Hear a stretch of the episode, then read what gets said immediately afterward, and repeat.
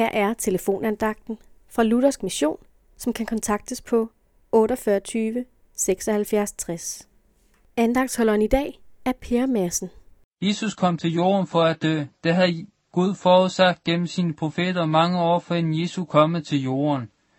Vi kan for eksempel læse, hvad der står i profeten Isaias' bog, kapitel 53, vers 5-7 af. Men han blev gennemboret for vores overtrædelser, knust for vores synder. Han blev straffet for, at vi kunne få fred. Ved hans år blev vi helbredt.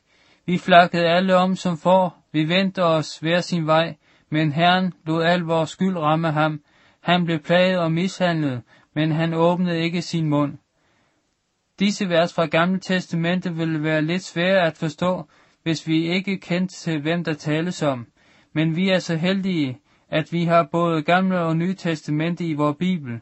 I Nye Testamente kan vi læse den virkelige beretning, som profeten Isaias havde forudsagt.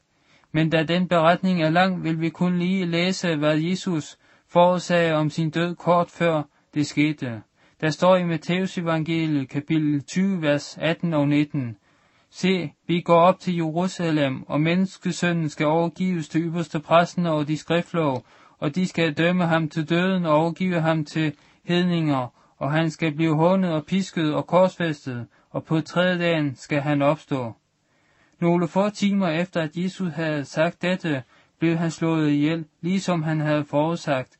Han blev knust for vores sønder. Gud Herren lod al vores skyld ramme Jesus.